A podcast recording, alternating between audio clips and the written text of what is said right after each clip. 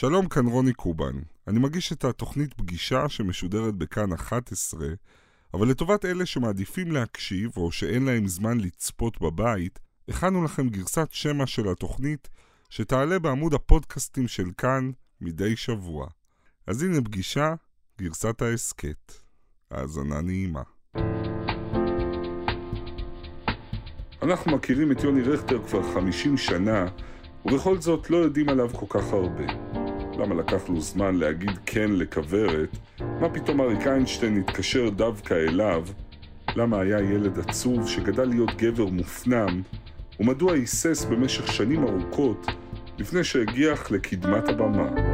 יוני רכטר, עם הפסנתר ובלעדיו, הוא האורח שלי הערב. או, אה, שלום, שלום. מה שלומך? כל כך התעמקתי בחייך, שלא שמתי לב שמת שנכנסת. לב שכן, יואו, אתה במקרה... האורח הכי גבוה ביפר כן. שהיה בתוכנית הזאת.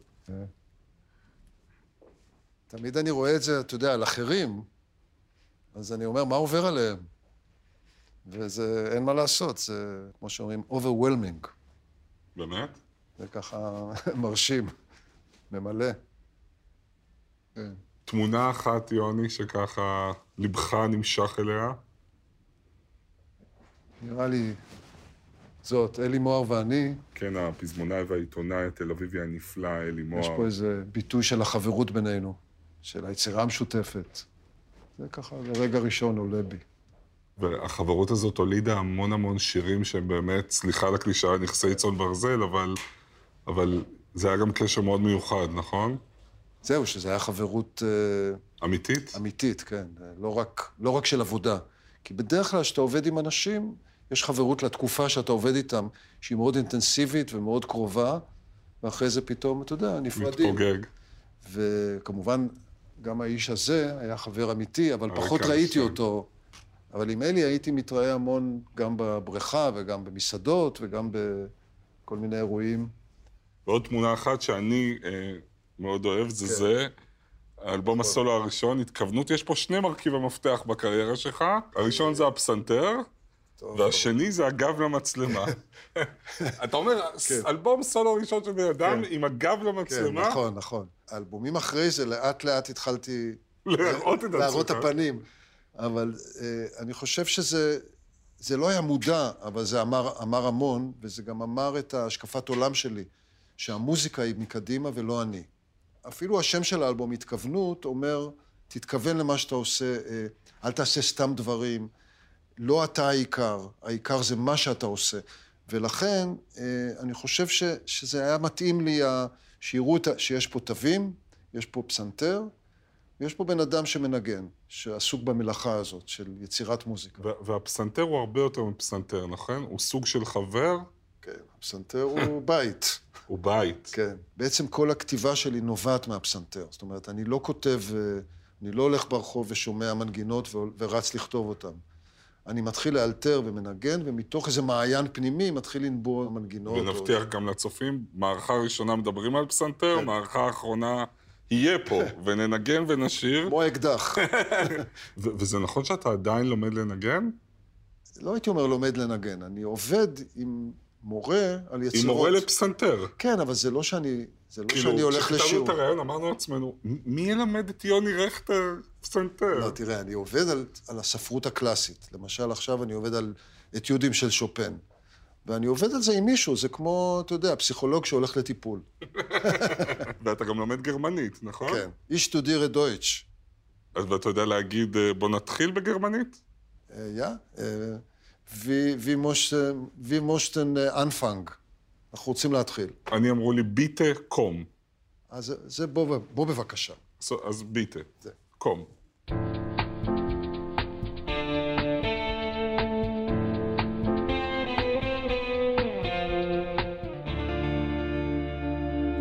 שלום ליוני רכטר, שלום, רוני. מוזיקאי, זמר, מלחין, מפיק ומעבד מוזיקלי, יוצר שעומד מאחורי כמה מהשירים הכי יפים שיש לנו. הטור מצחך, הילדה הכי יפה בגן, אני אומר אותם ומתרגש, נגיעה אחת רכה, דמעות של מלאכים, יש אי שם, כל עוד, ערב עירוני, שיר נבואי קוסמי עליז. רפרטואר אינסופי שכמעט כל שיר בו הוא רגע, תמונה, רגש בשביל כל אחד מאיתנו. תנשום, אבל בעיניי זה ערש הישראליות. לקחת חלק בכמה משיתופי הפעולה המסעירים שהיו במוזיקה הישראלית, כוורת, אריק איינשטיין, יהודית רביץ, אסתר עופרים, הכבש השישה עשר, חתן פרס אמת למוזיקה, פרס אקו"ם למפעל חיים, דוקטור כבוד מהאוניברסיטה העברית בירושלים. כל זה זה אתה, נשוי ואב לשניים. תודה שבאת, כבוד שאתה פה. אתה כמעט נבוך מהרזומה של עצמך, אה? אה? כמעט, כן, כי איכשהו זה הצטבר פתאום עם השנים. אני רוצה שנתחיל עם רגע אחד שאני מודה שלא הכרתי בביוגרפיה שלך, וזה רגע שממש משנה את חייך. אתה סטודנט שנה שלישית באקדמיה למוזיקה, בוגר להקה צבאית, מנגן ומלחין, אבל עדיין לא יודע מה תעשה שתהיה גדול, אולי ארכיטקט כמו אבא, אולי בטהובן או באך, ואז מזמינים אותך לאודישן ללהקה חדשה. כן, אני מגיע לביתו של דני סנדרסון, שלא הכרתי אותו, ראיתי אותו פעם אחת בכנס להקות, מנגן גיטרה חשמלית, והייתי עמום. הוא ניגן בסגנון הנדריקס. אה, והוא ועולה ארצ'יק ואפרים, הם היו באמת, הם שלטו בגדול, הם היו the best. ואני מגיע לשם, ואיכשהו יושב שם גידי ו... ודני, נדמה לי רק שניהם היו, וניגשתי לפסנתר, הם... התחלנו, למדנו איזה שיר, הם לימדו אותי, נדמה לי, את פה קבור הכלב. ואיכשהו, אתה יודע, התחלתי וזה, ואז בסוף הם נתנו לי קסטה, אז היו קסטות, של האופרה סיפורי פוגי. ובאתי הביתה והקשבתי, ו... באמת הייתי עמום, לא שמעתי במדינה שלנו כזאת מוזיקה עד אז, חוץ מאולי אריק איינשטיין ושלום חנוך. ולמרות כל זה אתה מתלבט אם להצטרף כן. או לא. הם החליטו שהם מעוניינים בשירותיי כקלידן, ואז אמרתי להם, תראו, אני עוד מתלבט, כי אני לא החלטתי אם ללמוד ארכיטקטורה או ללמוד... אה, ו... ואז הם אמרו, בסדר, והם פנו לירון גרשובסקי, לימים מוזיקאי מאוד ידוע, ישראלי שחי היום בניו יורק. שצופה בנו עכשיו ותולש את שערותיו. לא, לא, הוא, הוא, אה, הוא המנהל המוזיקאי של מנהטן טרנספר, אה, אוקיי. להקה מאוד טובה. ואז פתאום הכרתי רגש חדש בתחום הזה, קנאה. אמרתי, וואו, את הדבר הזה יעשה מישהו אחר ולא אני, לא יהיה. צלצלתי מיד, הודעתי להם. אני בא. בעצם זה הרגע שהחלטתי כנראה להיות מוזיקאי. והיה איזה רגע שאתה מבין שאתה חלק ממשהו שלא היה כמוהו בארץ? כן, וזה בעיקר הביך אותי מאוד, כי, כי אני זוכר, אני יושב שם, תבין, כוורת הופיע 28 פעם בחודש, מול אה, אולמות של 2,000 איש כל ערב, 1,500 איש, ואני הייתי בחור בן 21, ולא הבנתי, כאילו, מה זה, מה, מה קורה פה? ולקח זמן בעצם כאילו ל... לעכל את זה. היה גם uh, environment, היו מעריצות. כן. לא לי דווקא. אה, לא, אוקיי. היו לאחרים. בכלל, בתוך ההצלחה המטורפת, נראה שאתה די סבלת. כאילו היית מתוסכל שהלהקה לא שרה את השירים שלך. בתוכנית השנייה של כוורת, החלטנו שכולם מביאים חומרים, כל אחד חומר ש... שלו, שירים וכך הלאה, והבאתי איזה קטע באמת אינסטרומנטלי כזה, טודודם, טודודם, טודודודודם, וככה הם לא הבינו מה אני רוצה ביטו עליי כזה. ואני נורא נפגעתי, אבל אתה יודע, לא בתוך, אה, חס וחלילה, האשמה, אלא מתוך זה שהרגשתי פתאום בדידות גדולה. הייתה הצבעה ו... כן, הייתה הצבעה וזה לא התקבל, וכל הלילה נסעתי ברחבי עמק חפר, ו... ואפילו אולי ירדו איזה דמעה או שתיים. היה איזה תסכול ועצב, ואמרתי, אולי אני עוזב את הלהקה, אבל חזרתי ואיכשהו... התרציתי. אני מסמן את הדמעה הזאת, התסכול, לחזור אליה, כי הם גם נוגעים ברצון שלך מתישהו להיות עם החומר שלך, אולי גם ללכת לקדמת הבמה. בתוך כוורת מתישהו מתקשרים ואומרים לך, אריק איינשטיין רוצה להיפגש. כן. צריך להבין גם שאריק איינשטיין, מבחינת הדור שלי, הוא היה כמעט המגדלור. הוא היה באמת דמות נערצת, מוערכת, אהובה, אהודה, כל מה שאתה רוצה. ואולי יחידה כמעט, בקונסנזוס כזה. ושפתאום הוא מצלצל דווקא אליי, הוא פנה אליי בעצם לעשות עיבודים לשירי ילדים. וזה נורא הפתיע אותי, כי לא ידעתי איך הוא, איך הוא מכיר אותי בכלל. אחרי שנים שאלתי אותו, תגיד, אריק, מה... זאת אומרת, אני קלטתי אותך שם. הוא, הוא ראה אותי בכוורת, והיה גם את 14 אוקטבות, שהיה שם דמעות של מלאכים עם אבנר קנר. והוא, לא יודע, מצאתי חן בעיניו, זה מין כימיה כזאת. ואז אחרי כמה פגישות אמרתי לו שאני גם כותב, אני גם מלחין שירים ככה שאולי אני אציע לו. ונתתי לו שתי מנגינות, שיר אהבה סטנדרטי וזו אותה אהבה. שיר אהבה סטנדרטי זה... אז התחלתי ללכת, לא חשבתי בכלל. זה היה רק מנגינה. וגם אה, שיר שנקרא, אז שרתי את זה באנגלית, If you're walking to the town in the city, משהו כזה, שהוא כתב לזה, כשהיינו צעירים, את זוכרת. וזה הדליק אותו נורא. למחרת או אחרי כמה ימים, הוא הביא לי שת, את שני הטקסטים וואו. לשני השירים האלה, שנכנסו לאלבום הראשון שעשינו, שגם היו בו כמה שירי ילדים, כמו מה עושות האיילות ודג הזהב. אם אני אשאל אותך, מה הדבר הכי משמעותי שלמדת מאריק איינשטיין? אה, צניעות. צניעות והשראה. הוא היה אדם, קודם כל, ש... שנתן השראה לסביבה. אתן לך דוגמה, נגיד היינו קבוצה של נגנים, אז הוא היה אומר, נגנו בינוני. עכשיו, תחשוב, נגן, א', נגנים תמיד הרגישו איתו לחץ, כי הוא דמות, זה אריק איינשטיין. ו, וברגע שהוא אומר נגנו בינוני, זה גם, גם מצחיק, גם משחרר, וגם מנגנים נפלא. וזו דוגמה, הוא ידע איכשהו לתקשר עם אנשים בצורה כל כך... נגיד, הרבה פעמים הייתי מבקש ממנו משהו, הוא היה אומר, ידידי כאח לי, הנח לי. ואתה מבין, כאילו, הכל אמת, כל הזמן היה אמת, לא היה העמדת פנים, לא היה... אבל זה בטח, ההכרה הזאת של כל הפיגורות הכי גדולות בטח מתחילה לבנות ביטחון עצמי. תראה, זה לעבוד עם אריק איינשטיין, או אחרי זה עם אסתר עופרים, ויוסי בנאי, ומיקי גורביץ', ואלי מוהר, ו... אז אתה יודע, לאט לאט אמרתי, אם הם מסכימים לעבוד איתי, אז אולי, אני שווה אולי משהו. יש בי משהו. אבל תגיד, זה אמיתי הצניעות הזאת? כי זה כמעט לא יאמן. לא, אתה לא רואה שאני מרמה כל הזמן? אני רואה שאתה מסמיק. לא, לא, אני... תראה, זה לא צניעות, אני, אני חושב ש... אני חושב, סליחה על, ה... סליחה על הצניעות, אני חושב שזה הבנת הנקרא. אני מבין מה נכון, אה, וזו אמירה לא צנועה. אני חושב שאני מבין איך נכון להתנהל. ונכון להתנהל ב... בצורה נבונה, זה לא לעשות מעצמך משהו, אפילו אם יש לך הישגים, לא לזקוף אותם לעצמך, אלא כל הזמן להבין שאתה סך הכל איזה פסיק בתוך דבר יותר גדול. ככה אני רואה את הדברים. אז לפעמים אני נורא אוהב את עצמי לרגע שאני עושה משהו ואני שמח איתו, ואחרי זה זה עובר, אתה מבין? אבל זה לא, זה לא צניעות או התבטלות, אלא זה הבנה של מציאות. ואם נסגור מעגל, דיברנו על הדרך שעשית בעניין של להופיע, פעם לא רצית בכלל. כן.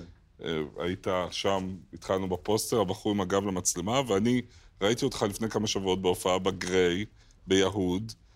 מפוצץ היה, אתה, ישבתי באמת, מזמן לא ישבתי במקום כל כך גרוע, כאילו המקומות, ואתה יושב במרכז הבמה, מפלרטט עם הקהל, מחליף איתו בדיחות, עשית דרך, זה, זה, זה עדיין אה, מורכב מלחמה בשבילך, או שהיום זה כבר... לא. אני חושב שלמדתי להכיר את, ה... את עצמי דרך התהליך הזה, והרבה אני זוקף את זה לאלי מוהר, כי משנת 96' עד 2006, שהוא חלה ונפטר, עשור שלם הופענו שנינו. ולאט לאט אלי נהיה הקול שלי. אני הייתי המוזיקה, והוא היה מדבר, ולפעמים עשינו גם קצת מעברים יחד, אפילו מצחיקים. אז גם גיליתי שאני יכול להצחיק קצת מדי פעם, ו, ולאט לאט אה, ראיתי ש, ש, שאני מתקשר במדיום הזה, ואז פתאום הוא הסתלק, ונשארתי לבד. ואז הייתה ברירה, או, או לפרוש, או לקחת את ה... עוד צעד קדימה לפרונט. אני ממש שומע בראש את המילים שהוא כתב. כן. לך ישר, בדיוק. אל תפחד. וזה היה ב-2006, ובעצם אז התחיל תהליך שאמרתי, אני הולך קדימה, מה שיהיה יהיה.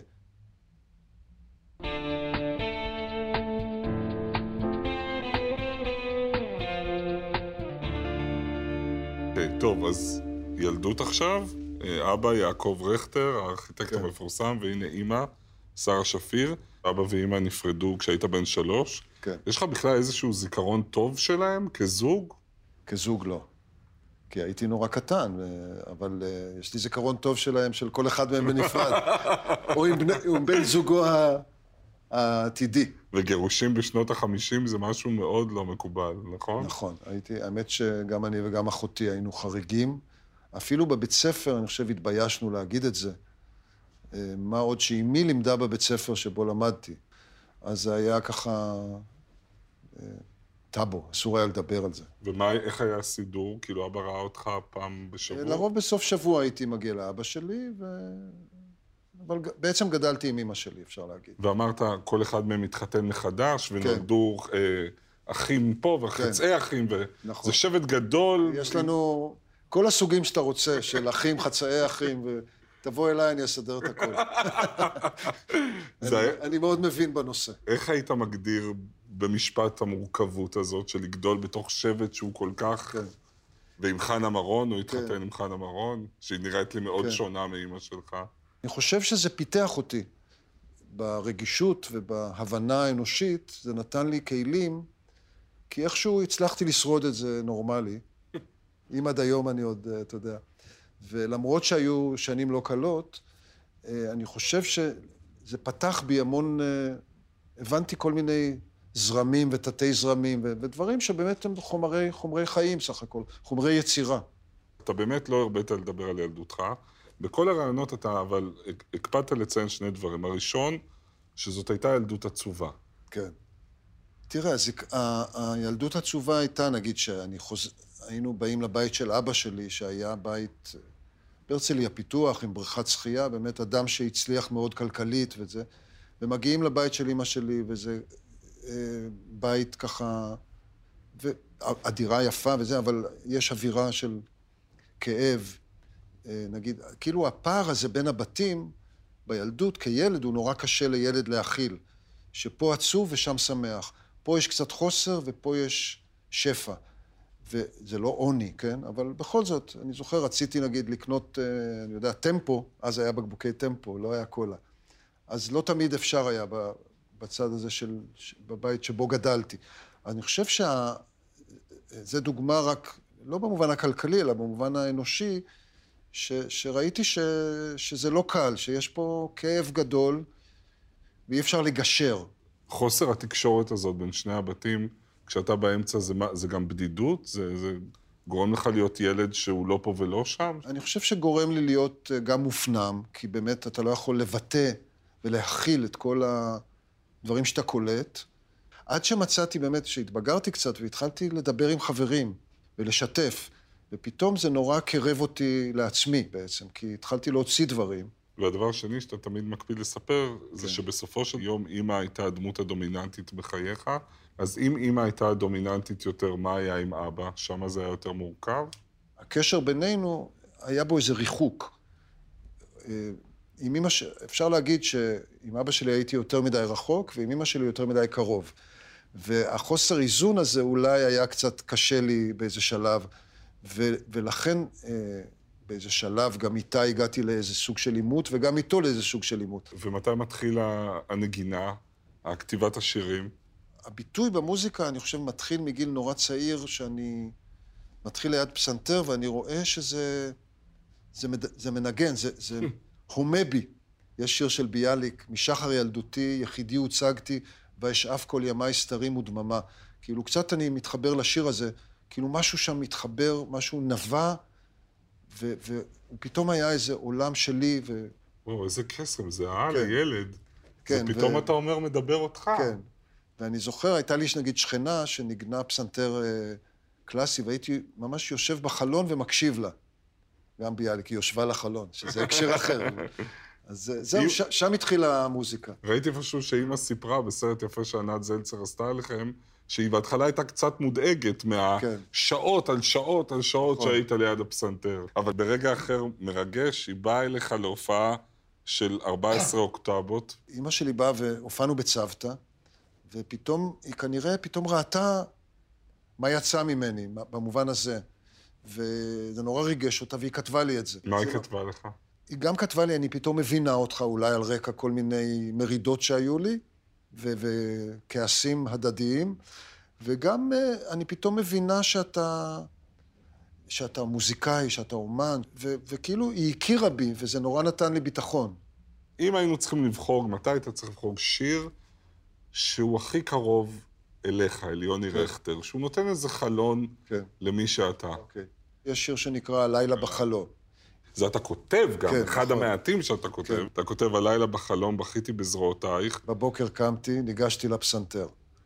כן, זה שיר שגם, הוא, אני גם אוהב אותו כי כתבתי את המילים. אני אמשיך רק, כי זה נורא... אוקיי. סליחה. הלילה בחלום, אתה היית גם, אבל בבוקר לא זכרתי מי אתה.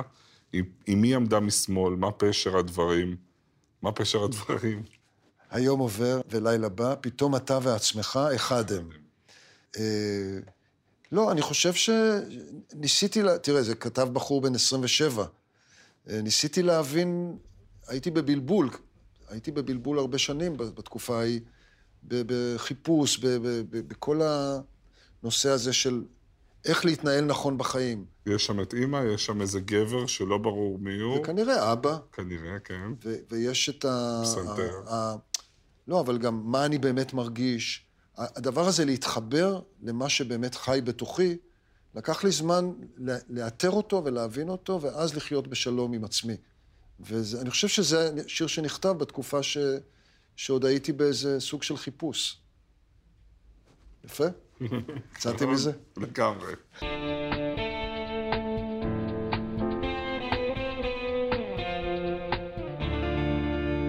אז בחלומי ראיתי באולפני פסנתר, ולידו יושב יוני רכטר.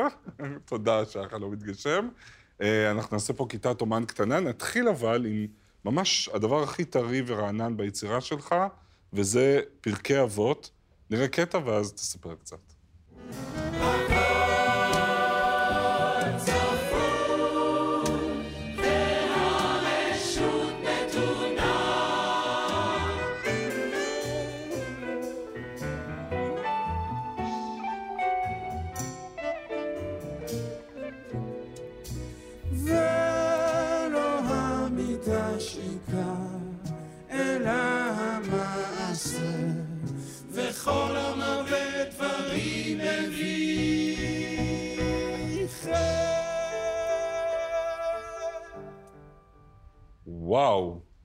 זה עצום, כן. מה זה? זה יצירה שכתבתי בתקופת הקורונה, כבר הראשונה, כי כבר יש כבר תקופת קורונה שנייה, שקראתי לה תמונות מוזיקליות מפרקי אבות, שעבדתי עליה באמת כשנה ומשהו, והועלתה במסגרת פסטיבל האוד בירושלים. עבדת שנה ומשהו וזה הועלה עד עכשיו רק פעם אחת. רק פעם אחת. שואל הצופה, מתי אפשר לראות את בדיוק, זה שוב? לכן אני באתי לתוכנית שלך, וביקשתי שיהיה את הקטע הזה, שירצו שזה יעלה עוד, והיה מאוד מוצלח ומלמד, היה מרתק להלחין את פרקי אבות. כן, מה זה נתן? מה, מה זה השאיר בך? הלכתי ללמוד את זה באיזה בית מדרש חילוני, ופשוט נכנסתי לעולם שלם של חוכמה יהודית, בלי המצוות מן הסתם, לא חזרתי בתשובה. להתחזק, כן. בדיוק. ויש שם המון חוכמה, המון אה, דברים שדיברו אליי אישית, וגם יצאה מוזיקה. אז זה הדבר הכי עדכני. אני רוצה שנחזור להתחלה. דמעות של מלאכים, זה השיר הראשון שכתבת. אפשר לפני הכל את, ה, את האינטרו היפהפה?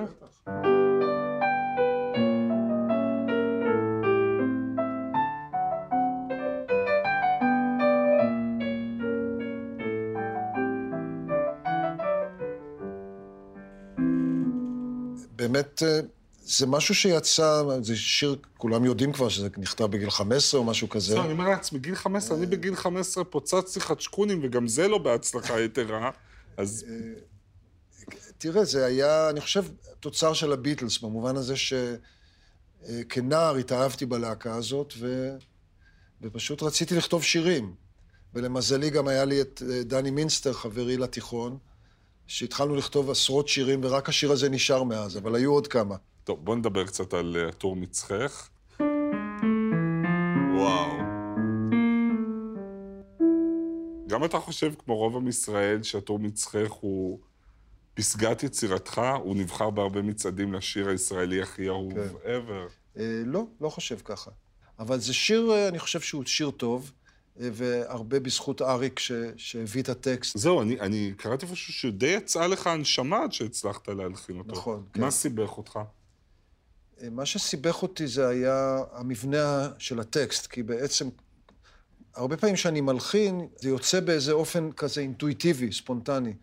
וכל החלק הראשון יצא לי בחתיכה אחת די מהר, וב"את אוהבת להיות" פתאום נתקעתי.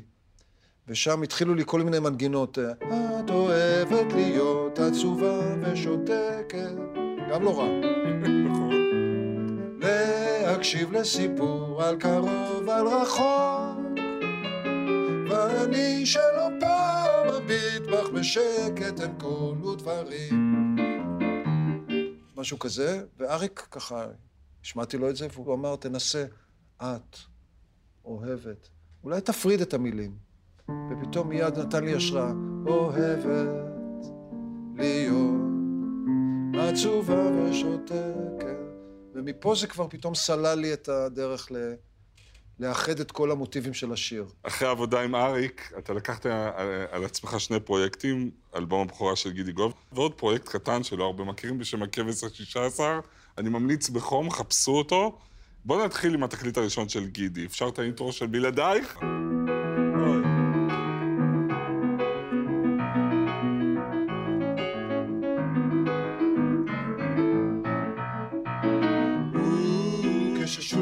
בחוץ, והסתר ללב לחוץ בלעדייך, ואני רוצה בך ואת כל כך רחוקה. לא רוצה להיות לבד עכשיו, אני קורא לך ואת לא עונה, את עזבת הלכת מכאן. כי בלעדייך כל העיר הזאת ריקה. אתה תשיר. והרחובות בה יתומים.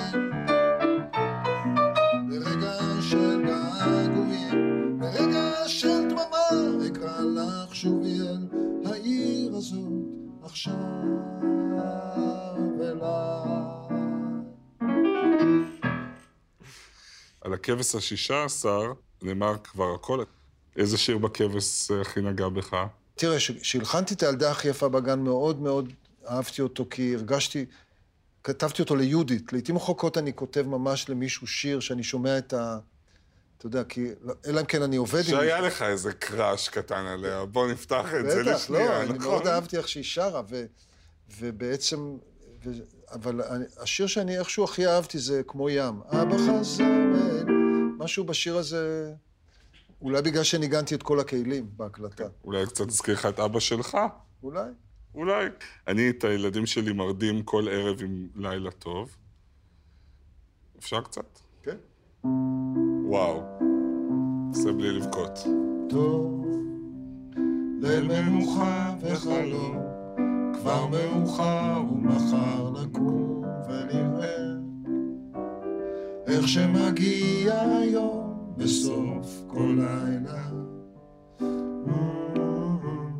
טוב, חושך נפל על החוף, רק הירח משאיר את אורו הצהוב. צרצר מצרצר צרצורו של לילה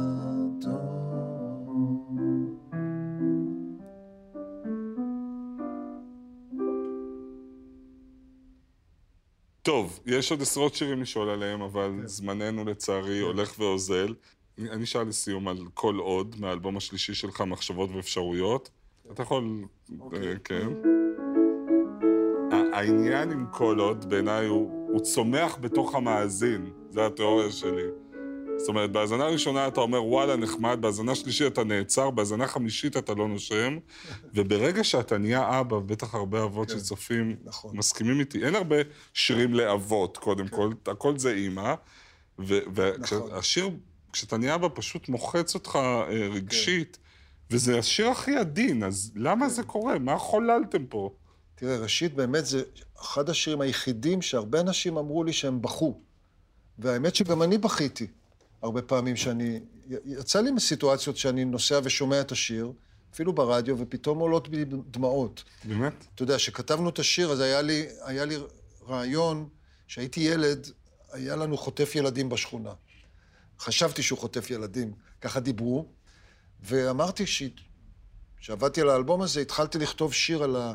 על הילד הזה. רציתי לכתוב על הילד שהייתי, שרץ, שהוא פתאום חושב שהחוטף ילדים בא לחטוף אותו. ילד... והוא רץ והוא רואה את הנעליים, נעלי הספורט שלו, ו... והשמעתי את זה לאלי מוהר, ואלי אמר, תן לי את המנגינה הזאת. הוא נדלק על המנגינה, והוא התחיל לספר לי איך הוא עובר תהליך, הוא אומר, אני כותב משהו אה, שהוא על גבול הקיץ', ככה הוא אמר לי. ואז הוא דיבר על הפתוס, על גבול הפתוס, משהו שהוא גדול מהחיים. גם השם הזה כל עוד. ובעצם הוא יצר פה טקסט שנוגע בחוויה של כל אחד ואחד מאיתנו. ויש את הרגע הזה שאתה כל כך עם הגבר ועם הבן שלו, אבל אז גבר באמצע הבוקר, גבר בלב חייו, על יד גדר של בית ספר. לבדו ניצב, והוא זוכר שאביו פעם הלך אחריו, הוא מנסה מנסה לשמוע לשמוע את כל צעדיו. יוני רכטר, כל עוד אתה קיים, יש סיבה לקום בבוקר ולקחת את הילדים מבית ספר, אני מודה לך שבאת. אתה מוביל אותנו כבר לשיר תודה הסיום. רבה. תודה לך, היה כיף. עמוד ענן, כך תלך לפני העדר. תבין הכל תדע, לא תאמר מילה אחת. כמו עמוד עשן, תיעלם בתוך החדר.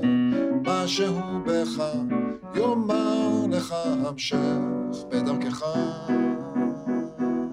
כולם, או, לך ישר. תפחד, גם אתה שם בבית. אל תכעס, לך תמיד, לך אחד, כמו עמוד ענן.